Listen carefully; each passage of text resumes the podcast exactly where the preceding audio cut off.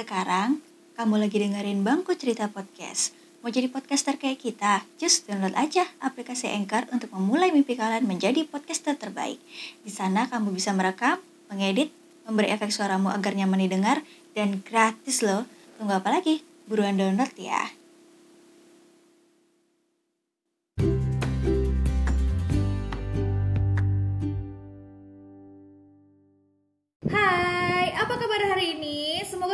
Dalam keadaan baik-baik saja. Oke, hari ini Mbak Be bakal ngebawain tema Thanks 2022, Welcome 2023. Yay, Happy New Year's. Hmm, say thanks dulu buat 2022 yang penuh drama, menguras air mata, emosi lahir batin bergulat dalam satu tumpu yaitu hati.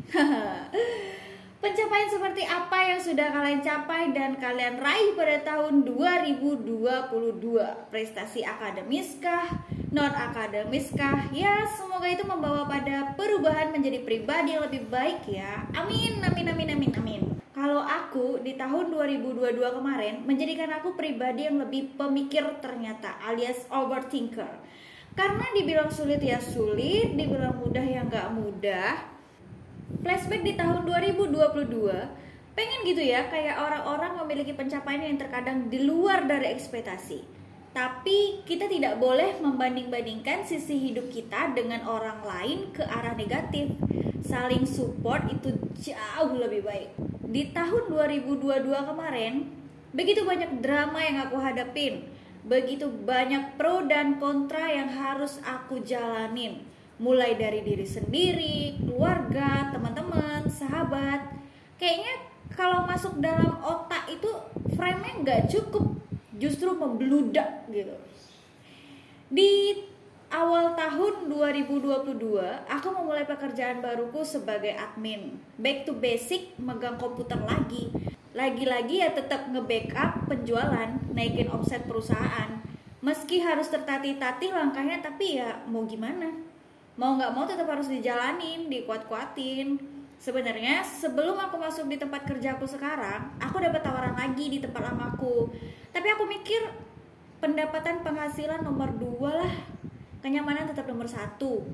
Dan tanpa terasa udah setahun kerja di tempat baruku sekarang. Bersyukur, ya jelas, alhamdulillah.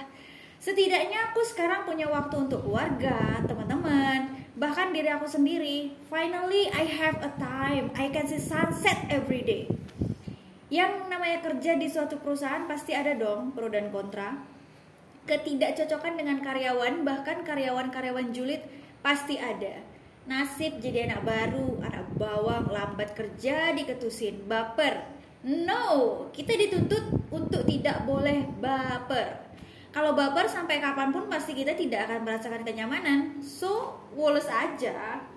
Di samping drama sebagai karyawati baru, ada juga nih drama sama bestie sendiri. Ha, kadang nggak habis pikir sih, ada aja masalah hidup nggak habis-habis. And then kita cekcok, mempertahankan ego masing-masing, sampai akhirnya lost contact beberapa bulan. Mencoba menenangkan diri masing-masing, berdamai dengan keadaan, tidak ada yang memulai, tidak ada yang berusaha memperbaiki hubungan satu sama lain. Ya, hasil cuek, bahkan ada yang pamit untuk fokus pada diri sendiri. Sampai akhirnya mencoba untuk saling memahami mencoba untuk saling menerima itu semua butuh waktu yang cukup panjang dan menguras pikiran sekali. Jujur ya di saat itu saat sahabat-sahabat aku semua menjauh aku seperti lelehan putus nggak ada arah. Terombang ambing nggak ada tempat cerita hahaha lagi aku kesepian pasti ngerasa kehilangan jelas jadi kalau ditanya aku punya teman atau enggak, aku selalu jawab enggak. Karena emang aku ngerasa sendiri. Belum lagi aku berhadapan dengan masalah hidup aku sendiri, perang batin, perang otak, kerasnya hati aku, egonya pemikiran aku. Makanya aku ngerasa ini tahun berat banget. Beban mental, kayak aku tuh didorong buat masuk ke jurang, depresi, stres, down, nangis, teriak, pengen nyudahin hidup kalau aku nggak bisa mikir lagi mungkin sekarang aku ada di rumah sakit jiwa berat ya, iya berat, pasti berat. Mental aku diajar habis-habisan, batin aku dibunuh dengan pelan-pelan. Kalian pernah nggak nangis tanpa suara? Sakit nggak? Sakit. Pengen teriak tapi nggak bisa. Mau cerita nggak ada tempat cerita. Siapa yang jadi saksi? Dinding kamar mandi. Tempat aku nangis, jalanan sepi, tempat aku teriak di atas motor. Tiba-tiba netesin air mata. Teriak yang sekenceng-kencengnya cacian, cibiran, hinaan, semua aku telan mentah-mentah. Ya, benar-benar berdiri sendiri. Nggak ada satu orang pun yang berdiri di samping aku. Nggak apa-apa. Di balik mental aku yang sebenarnya hancur, jiwa aku yang sebenarnya rapuh, aku masih bisa tertawa di depan kalian semua, tersenyum dengan kalian semua, sampai orang-orang gak ada yang tahu kalau aku ini hancur sehancur-hancurnya mungkin terkadang aku egois gitu aku ngerasa aku paling terpuruk Padahal sebenarnya ada yang lebih terpuruk lagi kali ya. Tapi sekarang sahabat aku udah balik guys. Meskipun tinggal satu yang tersisa, semoga ini beneran kekal sih. Karena kita punya nasib yang hampir sama. Jadi sekarang aku nggak ngerasa sendiri lagi. Aku bisa berbagi cerita dengan sahabat aku lagi. Meskipun agak lambat menyadari kalau kita sebenarnya saling membutuhkan karena ego yang ada dalam diri kita inilah yang menjadi jurang pemisah di antara kami.